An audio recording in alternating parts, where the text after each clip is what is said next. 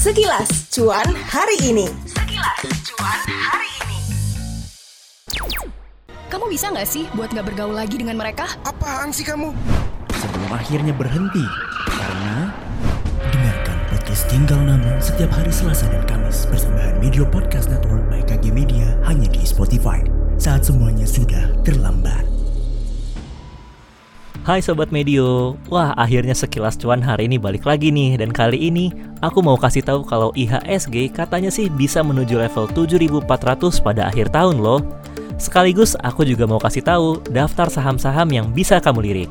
Seperti biasa, info ini dilansir dari kontan.co.id. Sebelum mendengarkan podcast kali ini, jangan lupa follow dan kasih rating terbaikmu untuk podcast cuan di Spotify, serta nyalakan notifikasinya ya, supaya kamu bisa terinfo setiap ada episode terbaru yang tayang di hari Senin, Rabu, dan Jumat. Sobat Medio, indeks harga saham gabungan atau IHSG diprediksi bakalan menguat pada tahun pemulihan ekonomi 2022 sampai menembus level 7.400 sampai 7.600. Prediksi ini sesuai sama harapan pertumbuhan ekonomi tahun ini yang diperkirakan di kisaran 5,2 persen. Info ini didapat dari pengamat pasar modal yang juga founder Indonesia Superstock Community, Edi Pranasidi, dalam diskusi daring Investment Talk bertajuk Buy in May, Harvest in November yang digelar The Origin Advisory bersama Igiko Advisory pada Rabu 18 Mei 2022. Nah, menurut Edi, GDP Indonesia secara rata-rata setiap tahun sejak 2001 hingga 2020 tumbuh sekitar 5%. Pada tahun 2021, pandemi menyebabkan GDP Indonesia tercatat hanya 3,69 Nah, tahun 2022 ini, optimisme kembali tumbuh seiring pandemi yang semakin terkendali dengan pertumbuhan ekonomi pada kuartal pertama 2022 yang mencapai 5,01%. Di sisi lain, Edi juga ngingetin nih ke Sobat Medio untuk mewaspadai kenaikan suku bunga oleh The Fed. Langkah otoritas keuangan Amerika Serikat tersebut selalu menciptakan disinflationary di stock market. Artinya, setiap kenaikan bunga acuan The Fed membuat stock market turun. Duh, merah nih portofolionya.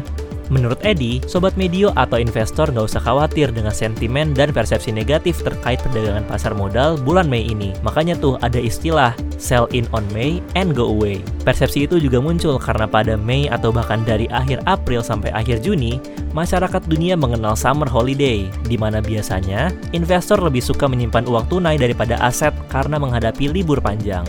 Eh, bentar-bentar. Sampai lupa nih, ada rekomendasi saham-saham emiten yang layak kamu koleksi menurut Edi, seperti TLKM, BBRI, BBCA, ASII, dan Toba.